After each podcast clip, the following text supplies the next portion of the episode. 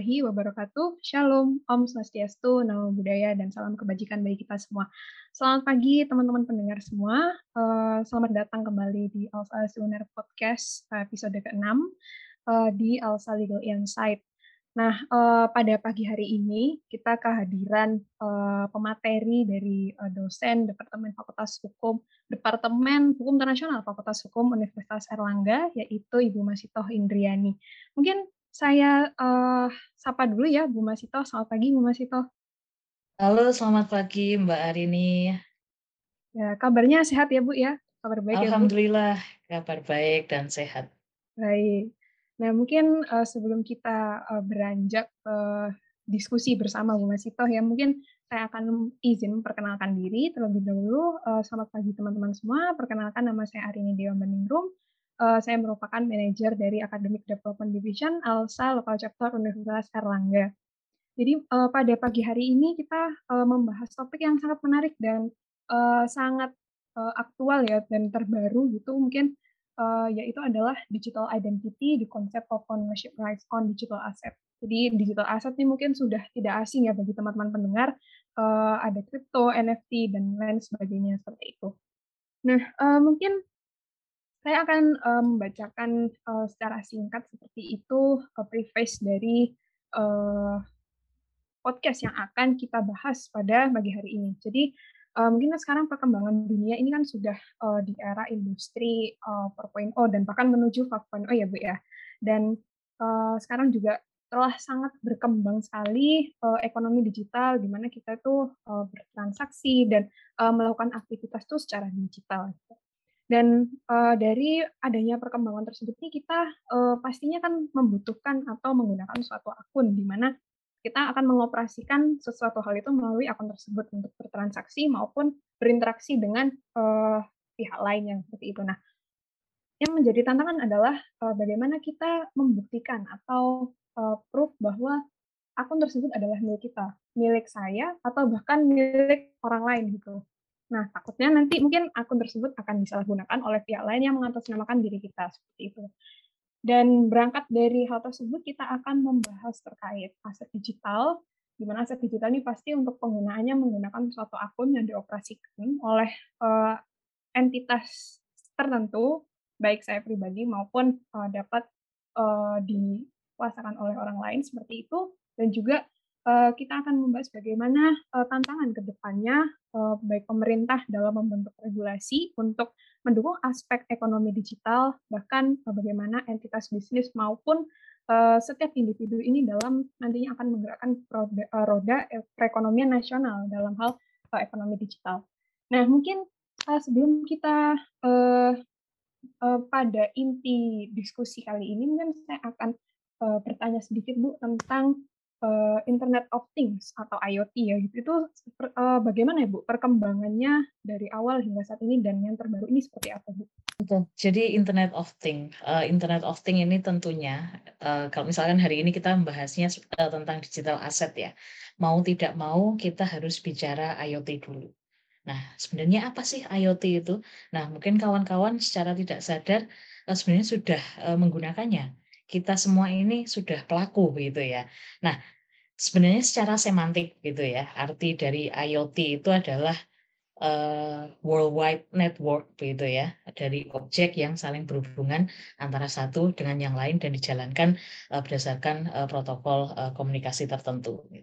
Nah, artinya apa? Uh, IoT ini ya kan, uh, pada prinsipnya dia memungkinkan orang uh, untuk berhubungan satu dengan lain dengan sangat mudah, dengan sangat cepat begitu. Semuanya bisa terhubung kapan saja, di mana saja dan dengan apa saja begitu ya.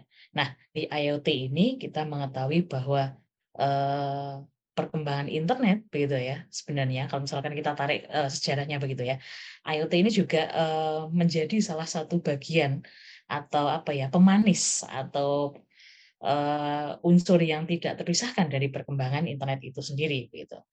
Nah, mungkin awalnya kita uh, di tahun uh, 90-an awal kita hanya bisa berkirim email dan seterusnya, tapi pada perkembangannya uh, muncul uh, berbagai macam teknologi uh, yang berbasis blockchain, berbasis artificial intelligence dan seterusnya.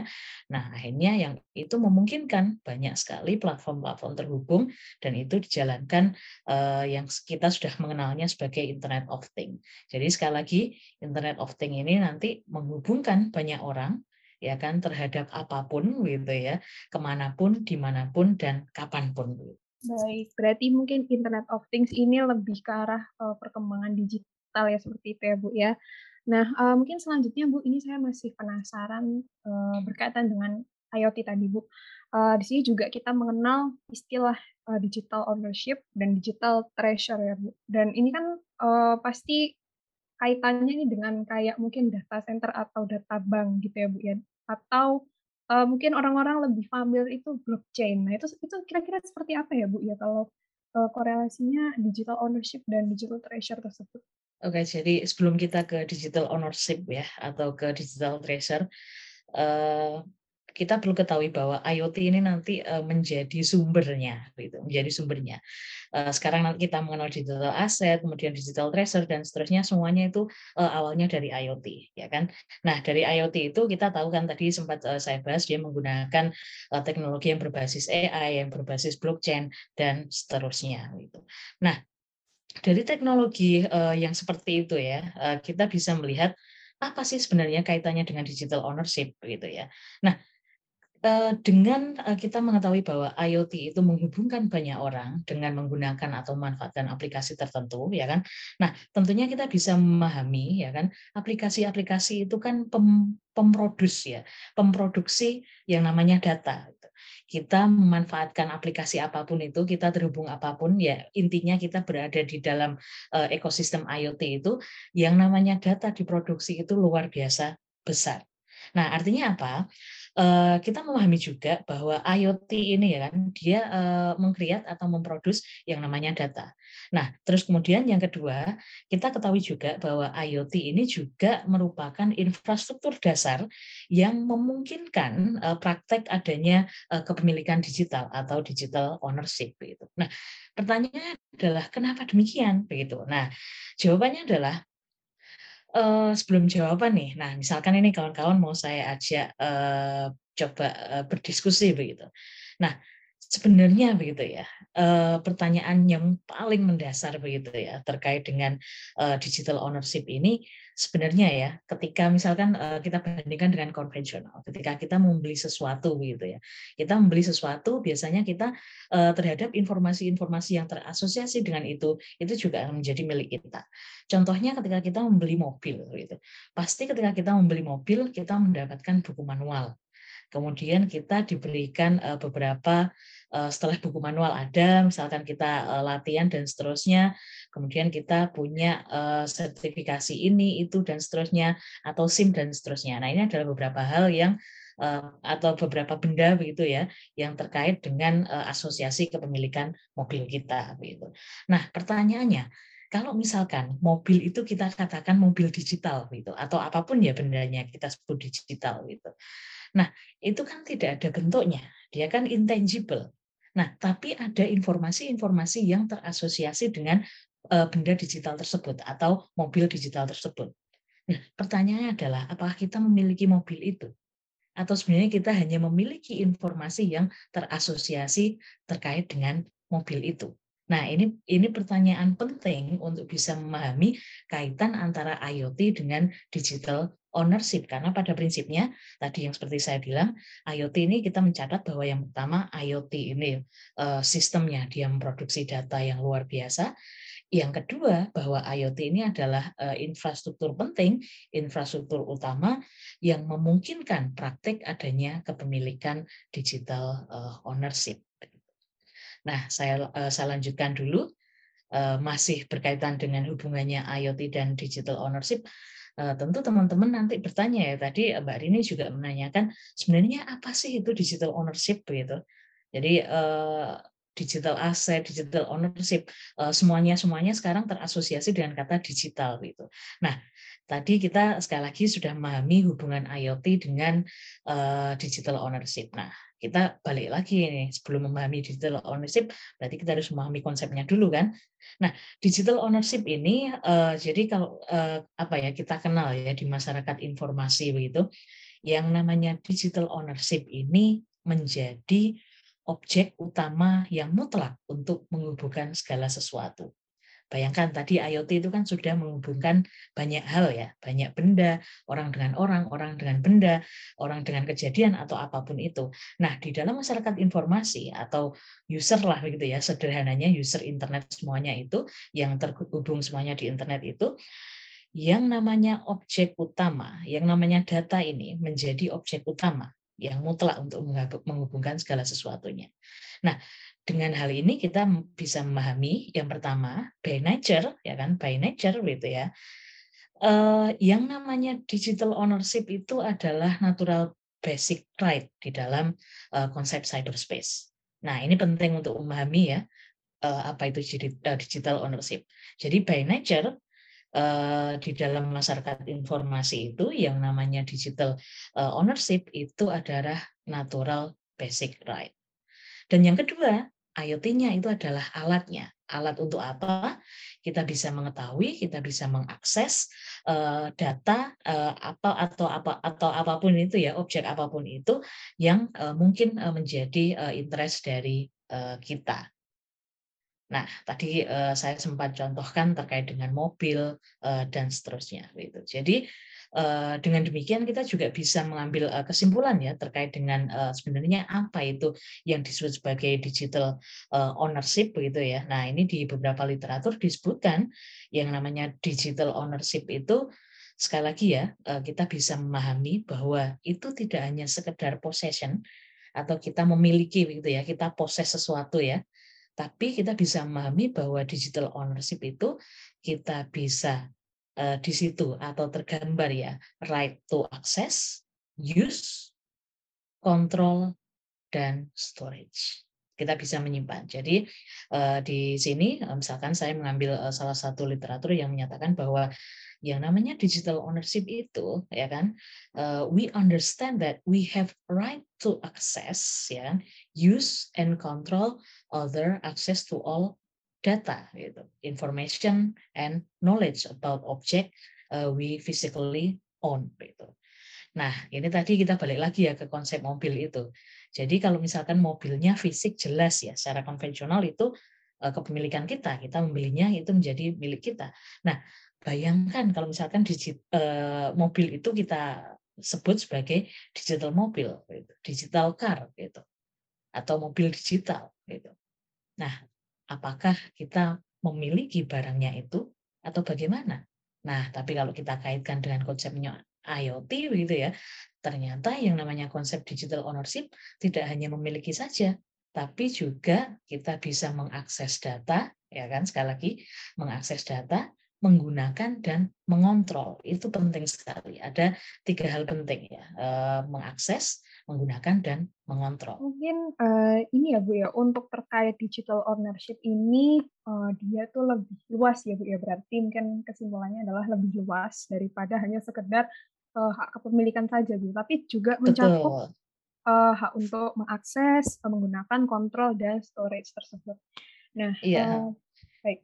Untuk selanjutnya nih Bu uh, terkait uh, digital asset. Nah, ini kita sudah masuk nih Bu ke digital asset maupun digital treasure uh, kalau di Indonesia sendiri Bu, uh, regulasi yang uh, mengatur tentang digital asset ini seperti apa sih Bu kalau untuk saat ini? Oke. Jadi ini sebenarnya kalau kita bicara tentang pengaturan ya hal-hal yang berbau digital fenomena di seluruh dunia ini sama gitu peraturan-peraturan itu semuanya ketinggalan zaman gitu kan. Nah, tapi itu tidak menjadi uh, sebuah alasan bahwa ada sesuatu yang tidak bisa diatur begitu. Nah, pada intinya ya kan uh, semuanya memang perlu diatur begitu. Ya terlepas nanti ada uh, misalkan ada pandangan eh, bahwa ada sesuatu yang tidak perlu diatur. Nah, karena kalau misalkan kita kembalikan lagi ke konsep misalkan internet governance begitu ya, ada kalangan yang mengatakan bahwa eh, sesuatu hal itu sebenarnya tidak perlu diatur oleh eh, let's say dalam hal ini pemerintah ya, tapi yang dia, ya, yang mengaturnya adalah para usernya saja, tapi saya rasa itu menjadi perdebatan yang lain. Nah, kita kembali lagi terkait dengan pengaturan digital treasure atau digital asset itu. Nah, kalau tadi saya menyebutkan ada beberapa isu penting ya terkait dengan digital ownership itu apa, paling tidak ada tiga itu. Betul tadi yang dikatakan Mbak Rini, tidak hanya sekedar kita memiliki, tapi di situ terkandung yang namanya mengakses, menggunakan, mendistribusikan bahkan sampai menyimpan begitu ya. Nah, di sebelum ke digital asset, nah saya ingin eh, perkenalkan kawan-kawan ada istilah juga yang namanya digital treasure gitu. Jadi sebelum kita bicara uh, digital asset, pengaturannya bagaimana? Nah, saya ajak lagi kawan-kawan untuk uh, melihat nih ada istilah baru yang namanya digital uh, treasure. Jadi setelah kita Eh, mengetahui ya tadi konsep eh, digital ownership itu tidak hanya sekedar eh, memiliki atau mempunyai. Nah, dari situ kita juga bisa melihat terkait dengan objeknya. Sebenarnya apa sih yang dipunyai itu? Kalau dia ini kok ternyata bisa mengakses dan seterusnya. Pada intinya dia adalah data, ya kan? Pada intinya ya yang apa objek ya kan objek utama itu adalah data, ya kan? Nah, digital treasure ini ya kan sejumlah data yang dipunyai oleh digital ownership ini jadi sekali lagi yang disebut sebagai digital treasure ini adalah sekumpulan data yang dipunyai, sejumlah data yang dipunyai oleh digital ownership. Nah, dari sini kita bisa melihat uh, dari konsep digital treasure ini kalau dia adalah data yang dipunyai, terus kemudian bagaimana cara untuk memperolehnya itu. Nah, cara memperolehnya tentunya melalui uh, pembelian, ya kan. Dalam konteks sederhana, ya kan, uh, kita uh, apa ya sebelum lanjut ya ke digital uh, asset begitu ya kita melihat dulu ke digital treasure Nah, dari IoT itu, jadi kan urutannya kita bahas IoT seperti apa, cara kerjanya seperti apa, terus kemudian nah kita tahu IoT uh, menghasilkan data dan seterusnya. Nah, data itulah yang disebut sebagai uh, data tracer. Gitu. Nah, data tracer ini ternyata bisa dipunyai. Nah, inilah yang disebut sebagai digital uh, ownership, ya kan? Nah, digital ownership apa gitu? Tidak sekali lagi tidak hanya dipunyai, tapi juga ada hak untuk mengakses dan seterusnya tadi. Nah, dari sini kita uh, bisa memahami bahwa ya kan, yang pertama uh, kita bisa melihat ada uh, entitas atau dalam hal ini produsen begitu ya, yang membuat data ini tergenerated Artinya kita misalkan ya by nature kita melihat data itu kan macam-macam ya sifatnya. Nah, dalam konteks ini kita bicara uh, digital treasure itu data itu tentu sifatnya yang sudah uh, generated. Dan yang kedua ya kan, data yang sudah generated tersebut itu punya uh, identifikasinya masing-masing. Tadi misalkan uh, saya kembali lagi ya ke contoh mobil begitu ya. Nah, ketika mobil itu ada, terus kemudian ada manual booknya, kemudian ada SIM-nya atau sertifikasinya apa. Nah, baik manual book atau sertifikat sertifikat apa kepemilikan atau SIM dan seterusnya. Nah, itu adalah identifier. Itu bisa menggambarkan bahwa eh, terutama misalkan terkait dengan eh, sertifikasi ya atau mungkin SIM atau mungkin BPKB begitu. Nah, itu menandakan bahwa mobil itu adalah milik Anda. Itu adalah identifier. Nah, begitu juga dengan digital tracer data yang tergenerated itu juga ya kan itu juga mengandung identifikasi mengandung bahwa data ini adalah tertentu gitu. Nah, ini yang disebut digital uh, tracer gitu. Nah, digital tracer ini juga eh, konteksnya juga tidak hanya sekedar apa ya kalau misalkan kita bicara data kalau kita comparekan dengan dunia konvensional juga tidak ter, kalau konvensional tidak terbatas pada barang ya tapi juga service gitu. Nah, barang atau service di dalam uh, internet tentu tidak kelihatan kan pasti dia intangible. Rupanya apa? Dilupakan uh, dalam sebuah data begitu. Nah, sekali lagi itu uh, untuk memahami ya sebelum kita ke digital asset, kita mengenal dulu yang namanya digital tracer. Nah, mungkin kawan-kawan juga sempat uh, mendengar ya, sudah sangat familiar uh, keseharian kita mengenal yang namanya big data. Nah, kalau big data itu uh, konsepnya memang lain lagi, tapi paling tidak itu juga menggambarkan bahwa big data ini juga merupakan hasil dari uh, atau dapat kita kategorikan sebagai uh, digital uh, treasure. Baik, mungkin untuk digital treasure ini lebih ke arah uh, informasi yang terkandung dalam suatu data ya, Bu ya. Nah, Betul. mungkin uh, berkaitan dengan digital treasure Bu dan ini kan lanjutannya adalah digital asset gitu yang di mana informasi-informasi data tersebut merupakan suatu aset di, yang dimiliki oleh suatu owner dari data tersebut. Nah, kira-kira untuk pengaturan dari digital asset yang ada di Indonesia ini seperti apa ya Bu ya untuk saat Oke. ini? Iya, tadi saya sempat uh, lupa ya membahas uh, pengaturannya itu bagaimana. Nah, digital tracer oke okay, kita memahami betul. Uh, jadi ada data yang punya informasi yang bisa mengidentifikasi dan seterusnya. Nah, dari digital tracer itu kita bisa uh, menggeser lagi nih pembahasan ke digital asset gitu. Nah, secara sederhana kita bisa mengetahui bahwa yang namanya digital asset ini adalah file data elektronik atau apa pun itu ya informasi yang terkandung di dalam data itu yang dapat dimiliki dapat ditransfer ya kan oleh individu, dapat digunakan sebagai mata uang untuk melakukan transaksi atau sebagai cara untuk menyimpan konten tidak berwujud atau intangible konten seperti karya eh, video, dokumen kontrak, elektronik kontrak dan eh, seterusnya. Nah, itu digital asset. Dan sekali lagi bahwa ya kan di kita mengetahui digital tracer itu kan uh, dia adalah sejumlah data gitu. Nah, ternyata di dalam data itu ya kan uh, mengandung uh, informasi atau file data begitu ya. Nah, dia sifatnya itu harus dapat dimiliki atau own, uh, ditransfer transfer oleh individu dan digunakan atau use sebagai mata uang untuk melakukan transaksi atau sebagai cara menyimpan konten tidak berwujud atau intangible content. Nah, sebagai contoh ya, digital asset ini eh, kita juga sudah sangat sering eh, mengenalnya. Ada cryptocurrency, Bitcoin, ada stablecoin, kemudian ada NFT, tadi sudah disinggung juga, non eh, fungible token. Nah, namun saya ingatkan kawan-kawan terkait dengan digital asset ini, sebenarnya ada istilah yang lain juga terkait ada Eh, bahasan lain yang menggunakan kata digital asset juga. Makanya ini saya mau mengklaim nih disclaimer ya hati-hati karena uh, misalkan ya kita kalau kita diskusi mengenai uh, eh, IPR management, digital IPR management, mereka juga menggunakan istilah digital asset yang itu menggambarkan uh, misalkan file uh, contohnya begitu ya, file PDF, terus kemudian file MP3, MP4 dan seterusnya. Nah, itu dalam konteks uh, digital IPR management mereka menggunakan digital asset itu seperti itu.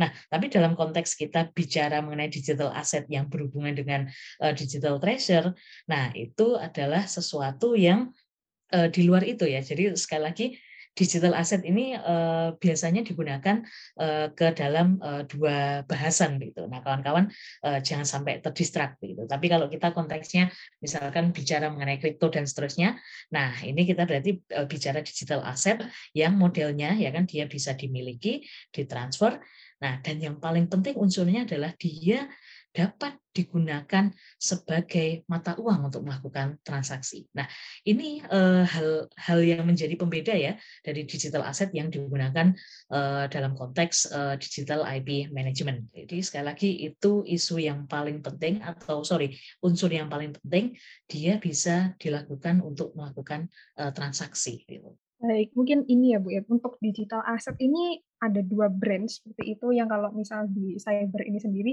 uh, dia tuh lebih ke arah, uh, intinya adalah dapat digunakan sebagai mata uang untuk melakukan transaksi. Tapi kalau untuk di IPR management dia, uh, lebih ke arah, uh, suatu aset yang memang, uh, dimiliki oleh uh, entitas tertentu dan tidak dapat digunakan sebagai uh, mata uang untuk transaksi seperti itu. Betul, iya. Pembedanya ada di situ. Tidak dapat uh, digunakan untuk uh, transaksi gitu. Baik. Lalu untuk uh, terkait digital asset yang sedang kita bahas nih Bu, yang uh, terkait NFT, uh, cryptocurrency dan lain-lain ini uh, kira-kira untuk regulasinya seperti uh, di Indonesia ini kira-kira update-nya uh, bagaimana ya Bu ya untuk saat ini? Apakah pemerintah nah. sekarang sudah um, mengatur regulasi terkait tersebut atau mungkin masih dalam proses uh, di yeah. rapat di DPR Ini uniknya ya kalau kita bicara digital asset di Indonesia ini karena uh, kita tahu ya, kita tahu semuanya ini fenomena global gitu ya terkait dengan digital asset ini. Uh, terutama uh, untuk isu cryptocurrency ya. Banyak negara uh, saat ini ya, ada yang sudah membuat regulasi atau dia melegalkan terkait dengan praktek cryptocurrency, digital asset berupa cryptocurrency. Uh, tapi ada beberapa negara juga yang masih apa ya anti untuk mengaturnya. Nah ini tidak terlepas dari adanya resiko-resiko terkait dengan penggunaan digital asset berupa cryptocurrency tersebut. Nah, kita bisa memetakan dua risiko utama ya terkait dengan penggunaan cryptocurrency ini atau digital asset berupa cryptocurrency ini. Yang pertama adalah risiko terkait dengan investment dan yang kedua risiko terkait, terkait dengan security-nya. Nah, kalau kita bicara investmentnya ini juga sudah menjadi rahasia global gitu ya. Dia fluktuatif.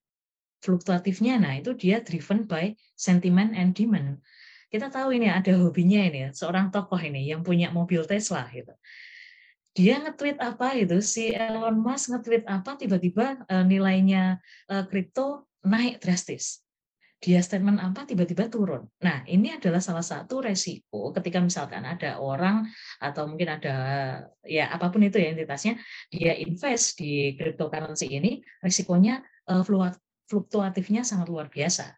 Nah, ini mungkin bagi eh, teman-teman yang suka uh, bidang investasi gitu ya. Nah, ini kan sedikit bahasa Surabayanya drawasi gitu ya. Sedikit uh, apa ya kita harus berhati-hati untuk mengelola itu gitu. Nah, itu terkait dengan resiko uh, investment. Bagaimana dengan resiko security-nya? Nah, resiko security-nya uh, juga sudah menjadi rahasia umum yang namanya internet penuh dengan cyber kriminal ya orang yang punya kemampuan tertentu ya kan? Dia punya pengetahuan untuk itu dengan mudahnya dapat uh, apa ya kalau bahasanya begitu ya uh, ya bahasanya bisa melalui hack bisa melalui crack apa pun itu intinya dia punya pengetahuan untuk uh, melakukan uh, rekayasa tertentu di dalam sistem. Nah itu hilanglah. Bisa jadi apa ya kita yang sudah punya uh, aset itu ya karena kena hack dan seterusnya hilang dan ini sudah beberapa kali kejadian begitu. Nah, terus uh, saya kembalikan lagi uh, ke pengaturannya terus kemudian bagaimana di Indonesia gitu. Nah, Indonesia termasuk salah satu negara yang uh, tidak mengizinkan, tidak mengakui cryptocurrency ini sebagai salah satu mata uang yang diakui oleh Indonesia. Artinya apa? Indonesia memang melarang uh, terkait dengan uh, cryptocurrency ini. Nah, misalkan uh, di dalam undang-undang uh, mata uang begitu ya. Nah, BI dengan jelas ya kan secara tegas begitu ya, dia menyatakan bahwa yang namanya cryptocurrency ini tidak diakui sebagai alat uh, pembayaran yang sah. Nah, artinya kalau kita bicara alat pembayaran, dia kan termasuk uh, fungsinya juga untuk melakukan transaksi. Nah, jadi sekali lagi di Undang-Undang tentang Mata Uang, Undang-Undang Nomor 7 Tahun 2011, eh, kripto ini tidak diakui sebagai alat pembayaran yang sah. Nah, namun namun dalam konteks yang lain, ya kan, cryptocurrency ini ternyata uh, melalui Kementerian Perdagangan, ya kan, melalui Kementerian Perdagangan, dia diakui sebagai yang namanya aset kripto yang dapat diperdagangkan di pasar fisik aset kripto. Jadi melalui uh, update-nya ya, melalui uh, saat ini uh, Kementerian uh, Perdagangan melalui uh, badan atau Bapepti ya, namanya Bapepti. Apa itu Bapepti? Badan, nah ini saya juga uh, namanya panjang ini, namanya panjang ini. Badan Pengawasan perdagangan berjangka komoditi atau BAPET. Nah, saat ini uh, dia ada empat aturan yang mengatur uh, cryptocurrency ini sebagai aset, sebagai kripto aset gitu. Nah, keempat aturan ini ya kan dikeluarkan begitu ya. Tujuannya ini bagus tentunya ya kan. Karena seperti kita ketahui di undang-undang kita, di undang-undang mata uang kita menilai yang namanya cryptocurrency tidak dapat digunakan sebagai alat mata uang maupun alat transaksi pembayaran. Nah, tapi dibuat uh, diakui sebagai kripto aset. Nah, tentunya dia memberikan kepastian ya kan terkait dengan pelaku usaha perdagangan aset kripto di Indonesia. Jadi mungkin apa ya bahasanya kawan-kawan begitu ya, bu sebenarnya kripto ini uh, sangat terlarang di Indonesia begitu.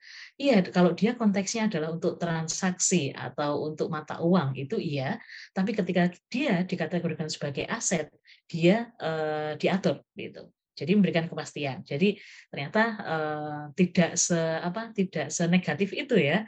Uh, mungkin sentimen atau mungkin bagi teman-teman yang uh, belum update terkait dengan info ini ya menganggap cryptocurrency memang di Indonesia uh, tidak berlaku, tidak bisa dipakai. Tapi ada sudah uh, saat ini melalui Bapepti sudah ada empat aturan terkait dengan uh, penggunaan kripto uh, aset itu.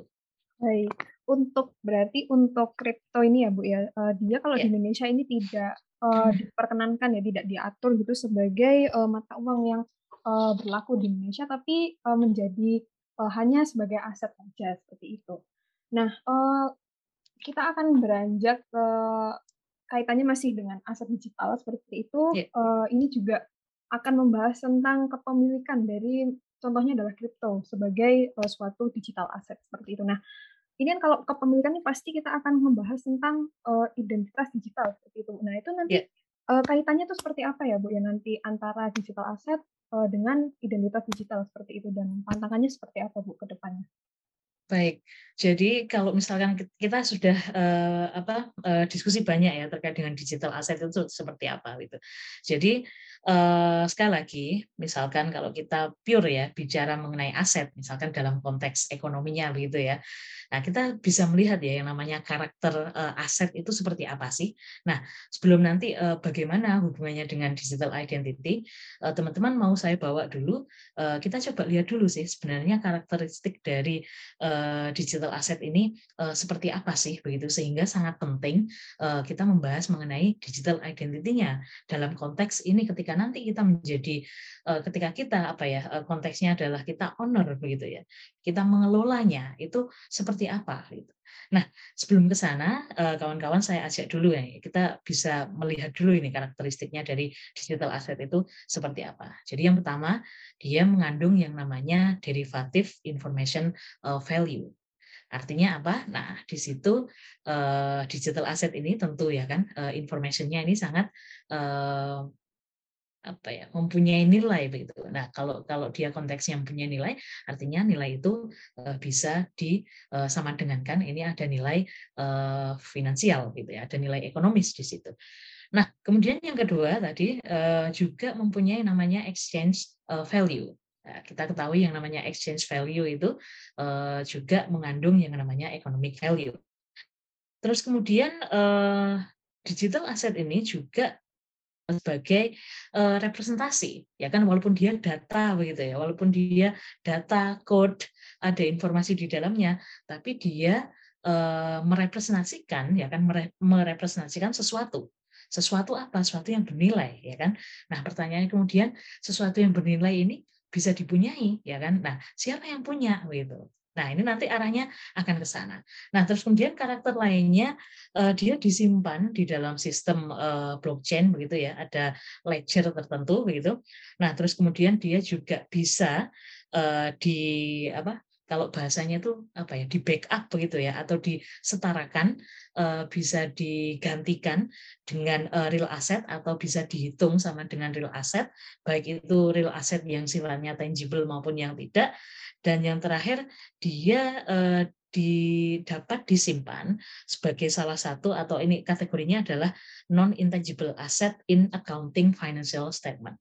Artinya apa? Bahwa nanti ini ya si digital asset eh, item digital asset ini di dalam laporan keuangan ini juga akan muncul, dia dapat dicatatkan di situ.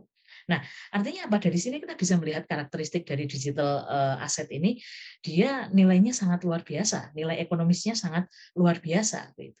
Nah, dengan kita melihat karakteristiknya seperti ini, kita bisa memastikan bahwa digital aset ini dapat kita kategorikan sebagai non monetary asset gitu ya. Jadi memang tidak secara langsung uh, dapat kita kaitkan dengan uh, economic value-nya ya, tapi bisa kita kategorikan sebagai uh, non monetary asset. Nah, bayangkan kawan-kawan ya kan yang namanya aset gitu ya, itu kan harus kita kelola gitu. Nah, yang mengelola siapa? Kan itu menjadi pertanyaannya. Yang mengelola adalah tentunya si empunya ya kan si ownernya Nah, ownernya ini bagaimana dalam konteks uh, internet ini? Gitu. Apakah misalkan uh, kita hanya sekedar apa ya? Kita punya uh, rekening di sini di situ. Apakah itu sudah cukup menggambarkan bahwa kita ini mempunyai atau kita memanage dari digital asset itu? Nah, ternyata tidak seperti itu, tidak sesederhana itu. Nah, justru ini yang menjadi uh, inti permasalahan terkait dengan bagaimana sih hubungan antara digital asset dan digital identity itu. Nah, karena apa ya kan? Eh, kita penting sekali untuk melihat eh, terkait dengan faktor-faktor eh, pentingnya digital asset dalam pengelolaan digital asset. Jadi intinya adalah kata-kata mengelola itu ya. Kata mengelola ini sangat penting untuk menggambarkan atau untuk menghubungkan antara digital identity dengan digital asset.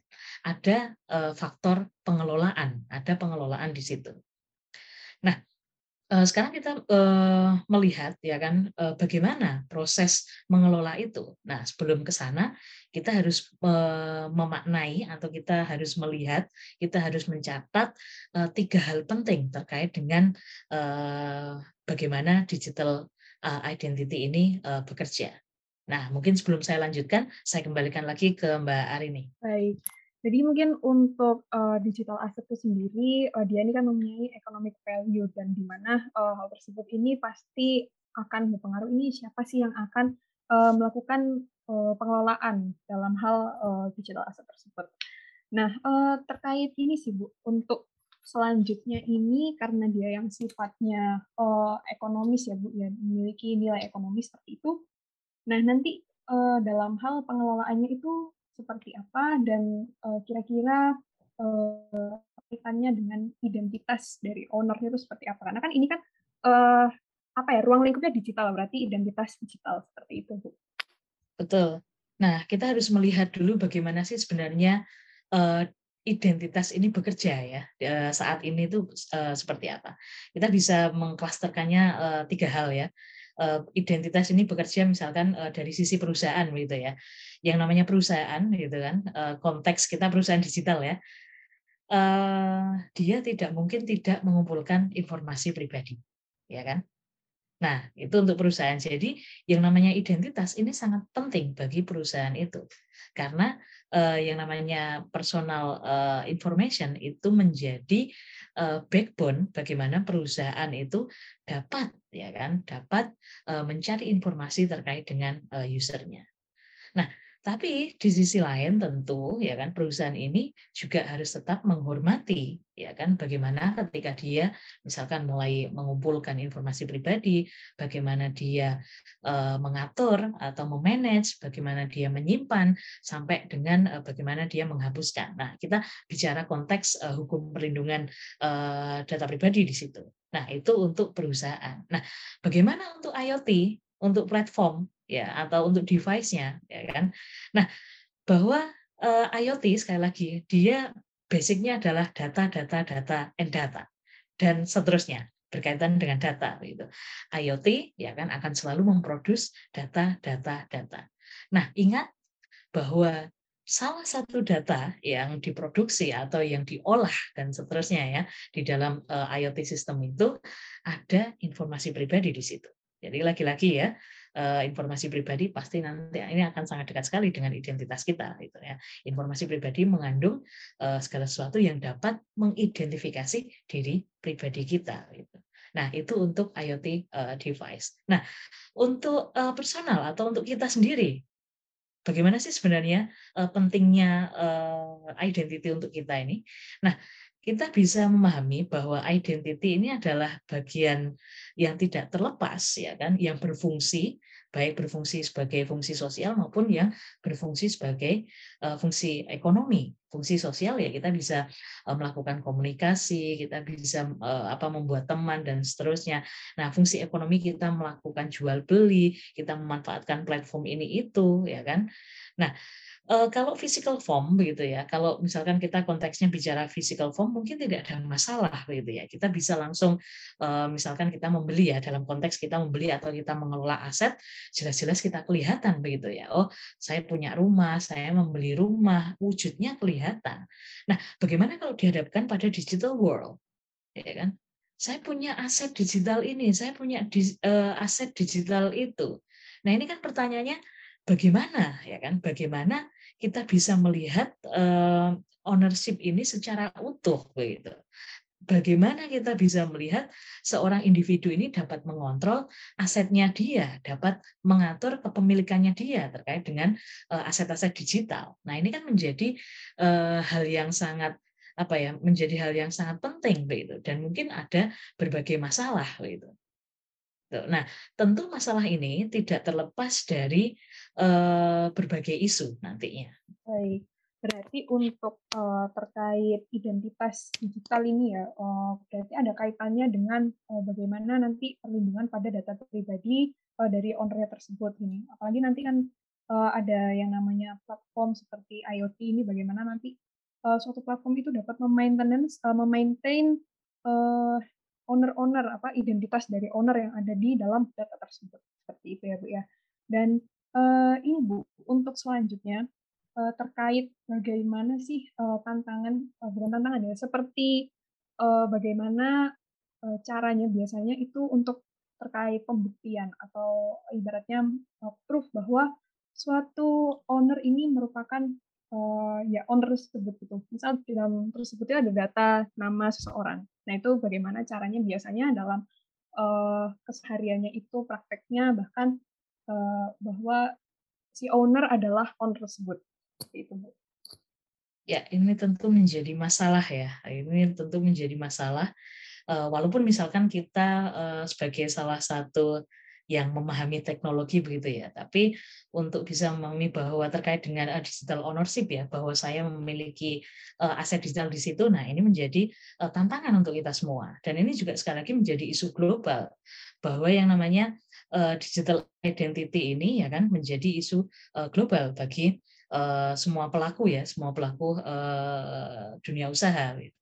Nah, kenapa kok bisa menjadi seperti itu? Nah, sebelum ke sana gitu ya, saya ingin mengajak kawan-kawan juga memahami sebenarnya apa sih uh, dan kenapa sih digital identity itu penting gitu loh. Selain untuk nanti konteksnya adalah kita memanage ya kan kita memanage digital aset, kita bisa membuktikan bahwa aset itu adalah aset aset kita gitu. Kita menjadi owner uh, dari uh, sebuah aset itu dari barang digital itu dan seterusnya. Nah, sebelum ke sana kawan-kawan mau saya ajak ini. Jadi sebenarnya apa sih digital identity itu? Kenapa dia sangat penting dalam konteks uh, pengelolaan digital aset itu? Nah, uh, digital identity atau identitas uh, digital. Jadi apa sih yang dimaksud sebagai DI gitu ya? Nah, biasanya saya saya sering menyebutnya sebagai DI gitu atau digital identity itu. Nah, DI begitu ya. Nah, kita melihat uh, di berbagai uh, apa referensi begitu ya.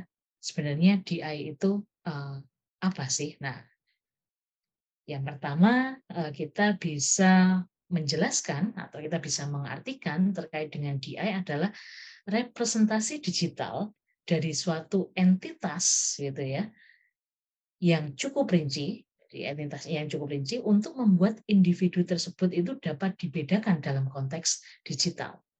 Dalam konteks digital, saya bisa mengetahui bahwa Mbak Arini Dewi ini adalah Mbak Arini Dewi, bukan Mbak Arini Dewi yang lain. Tapi Mbak Arini Dewi, eh, pengurus ALSA, LC, eh, Unair. Gitu. Misalkan saya, digital identity tidak hanya sekedar akun, misalkan akun email atau apa, tidak seperti itu. Tapi sekali lagi dia adalah benar-benar representasi digital saya di dalam internet itu.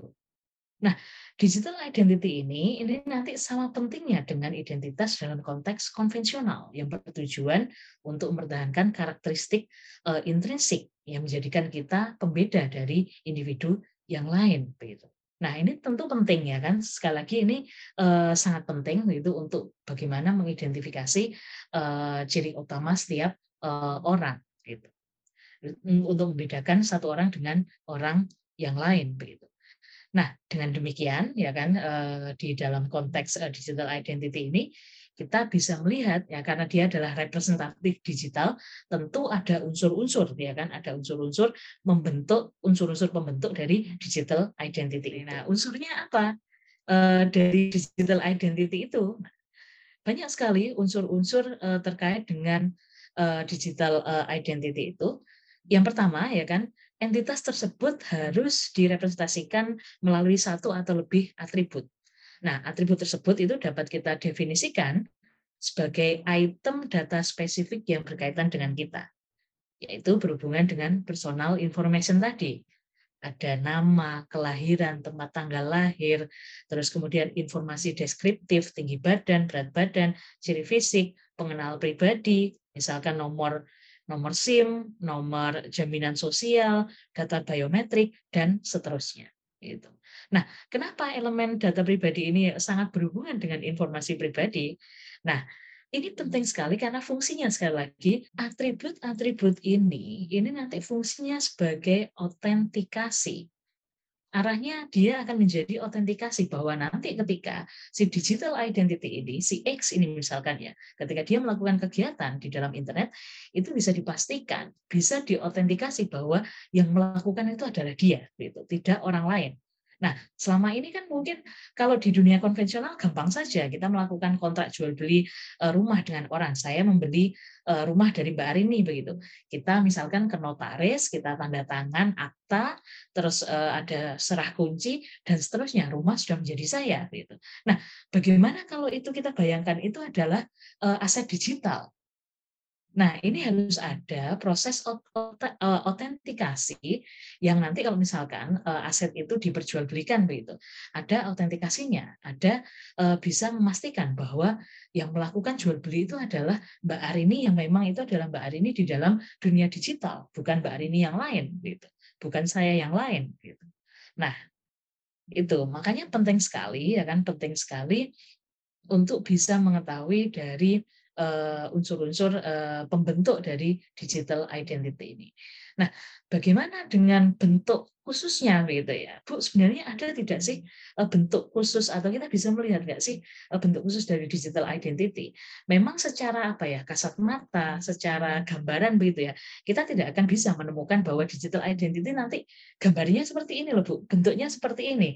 Itu memang tidak bisa gitu, karena sekali lagi dia Eh, terdiri dari elemen-elemen pembentuk gitu elemen-elemen pembentuk gitu Uh, kalau misalkan saya boleh ambil contoh begitu ya, uh, mungkin ada kawan-kawan yang suka main game online begitu ya.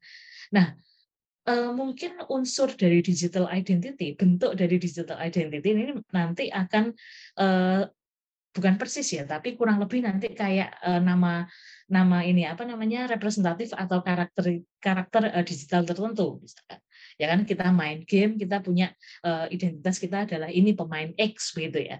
Nah kurang lebih seperti itu. Tapi sekali lagi juga tidak persis seperti itu. Karena sekali lagi uh, memang bentuknya abstrak ya kan. Digital identity itu tidak berbentuk dia abstrak tapi ada elemen-elemen pembentuknya.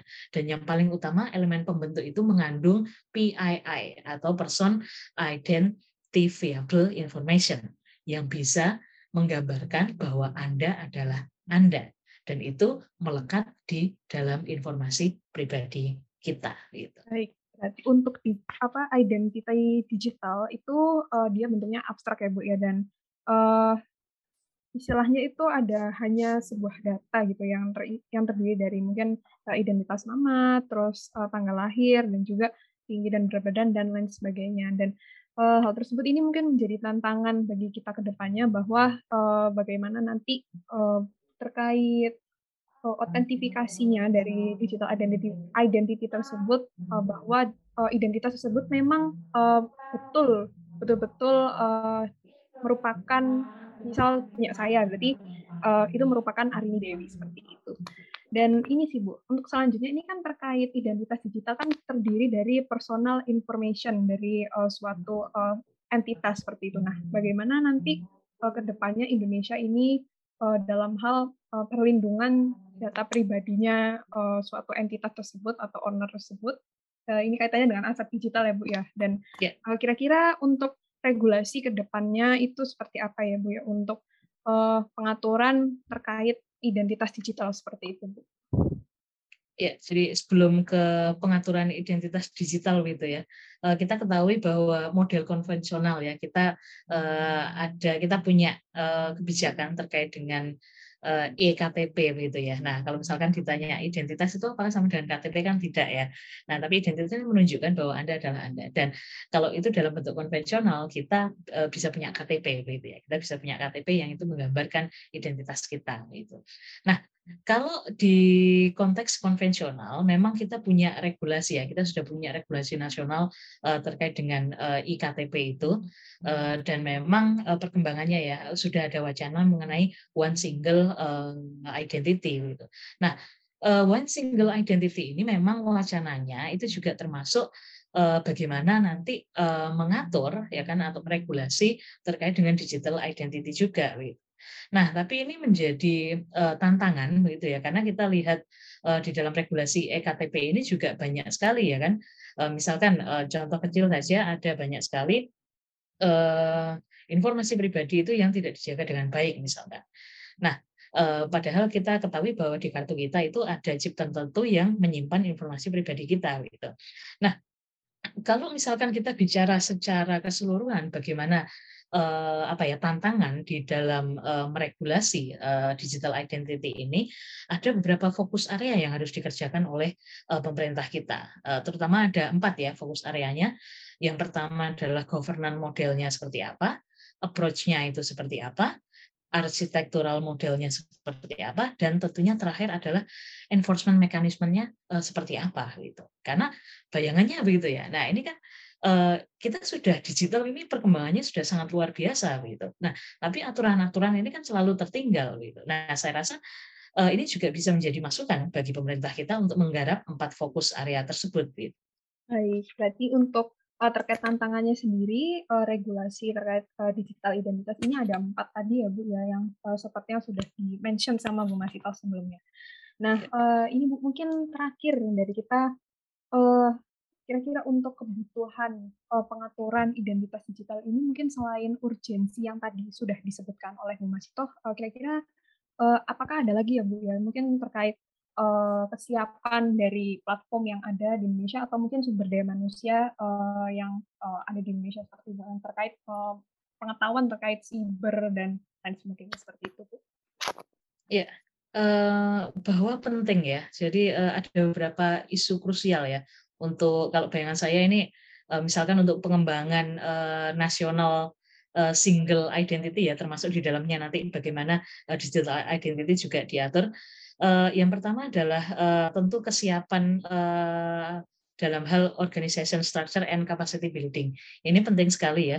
Ini harus bisa dilihat misalkan dari kesiapan pemerintahnya itu seperti apa, legal framework-nya itu bagaimana, dari sisi teknologi itu bagaimana, terus kemudian uh, dari misalkan dari sisi uh, teknisnya ya project manajemennya seperti apa, quality, standarisasi dan seterusnya itu seperti apa. Nah, selain itu itu isu yang pertama, yang kedua adalah ada beberapa yang perlu diadres juga oleh kita semua ya, tidak hanya pemerintah, karena bagaimana juga ketika kita bicara uh, internet governance begitu ya, apa-apa yang uh, harus diatur di dalam internet kita tidak hanya rely on government only gitu ya, tapi kita sebagai multi pihak ini ya kan, eh, kita juga harus eh, mengadres eh, conflicting issue ya kan, ada beberapa conflicting issue.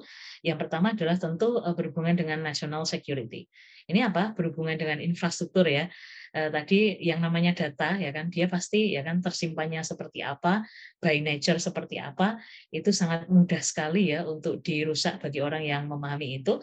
Nah, Uh, bayangkan kalau itu adalah uh, misalkan kita sudah punya ya project itu ya uh, pemerintah Indonesia sudah punya itu. Untuk bisa melindungi informasi itu seperti apa ini kan menjadi isu. Karena bagaimana juga ya kan ini adalah informasi pribadi warga negara kita. Artinya di situ ada isu national security juga gitu. Nah tapi di sisi lain bahwa pemerintah ini juga bagaimanapun juga ya dibebankan yang namanya memberikan uh, social service delivery ke warga negaranya gitu. Nah, ini menjadi hal yang agak sedikit mungkin kontradiktif ya. Di sisi lain dia harus menjaga uh, informasi pribadi, tapi di sisi lain dia juga harus menyediakan ya kan, menyediakan perangkat dan seterusnya. Nah, tapi ini juga menjadi hal sesuatu yang sekali lagi uh, saya garis bawahi sedikit kontradiktif karena mungkin tidak semua misalkan wilayah ya ini mampu atau punya Eh, kemampuan untuk apa istilahnya infrastrukturnya dan seterusnya. Nah, ini menjadi PR-nya pemerintah. Yang kedua, eh, yang kedua tentu masih berhubungan dengan security.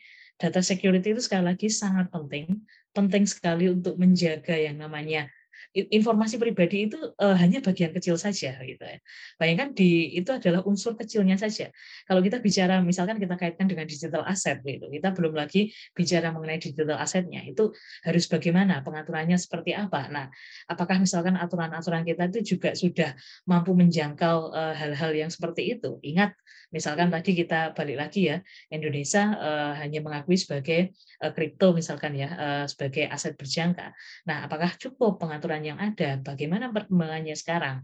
Nah, ini juga uh, menjadi uh, hal yang uh, penting. Belum lagi nanti lagi misalkan terakhir ya terkait dengan bagaimana bentuknya misalkan. Apakah nanti apa ya? Ini sebenarnya teknis tapi perlu penting juga untuk di, di apa bicarakan Misalkan kalau misalkan kita pemerintah sudah punya ya project digital identity itu, apakah bentuknya nanti tokenless atau token based, ya kan? Nah ini ya, untuk untuk tadi loh kita bisa melihat ini bentuknya seperti apa sih? Ya bentuk dari DI ini seperti apa sih kan abstrak, tapi abstrak dia ada informasi di situ, ada data di situ. Nah apakah kita mau bentuknya ini mau tokenless atau token based dan seterusnya dan uh, pun uh, sekaligus ya bagaimana nanti membuat proses otentikasinya itu uh, bisa berjalan dengan mulus. Saya rasa itu Mbak Mbak Arini. Baik, berarti mungkin ini untuk PR-nya dan tantangan ke depannya ini masih banyak ya Bu ya. Tadi Ibu mention juga ada terkait infrastruktur penyimpanan datanya juga dan ada terkait perlindungan datanya sendiri itu bagaimana ke depannya nanti. Nah mungkin ini uh, kita sudah ada di uh, penghujung sesi untuk diskusi ya Bu. Mungkin saya izin untuk uh, mensummary atau uh, memberikan uh, singkat kesimpulan untuk teman-teman mendengar semua bahwa uh, tadi kita sudah uh, berdiskusi tentang IoT. IoT merupakan uh, suatu plat platform digital seperti itu uh, di mana uh, kurang lebihnya IoT ini merupakan uh, suatu infrastruktur penyimpanan data seperti itu. Dan juga uh, dan saat ini uh, regulasi terkait uh, digital asset ini sudah tertinggal seperti itu dan itu uh, bukan merupakan uh, suatu alasan ya berarti uh, kita di sini juga uh, ke depannya kan pasti akan uh, mengalami yang namanya perkembangan teknologi uh, secara signifikan dan memang kita harus siap akan hal itu.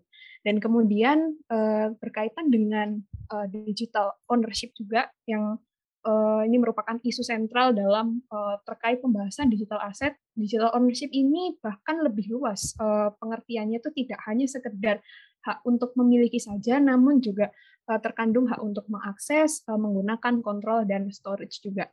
Dan selanjutnya uh, ada terkait digital treasure. Digital treasure ini uh, kelanjutan dari digital ownership, di mana digital treasure ini merupakan uh, suatu informasi data terkait uh, owner dari suatu data tersebut. Dan ada juga digital asset.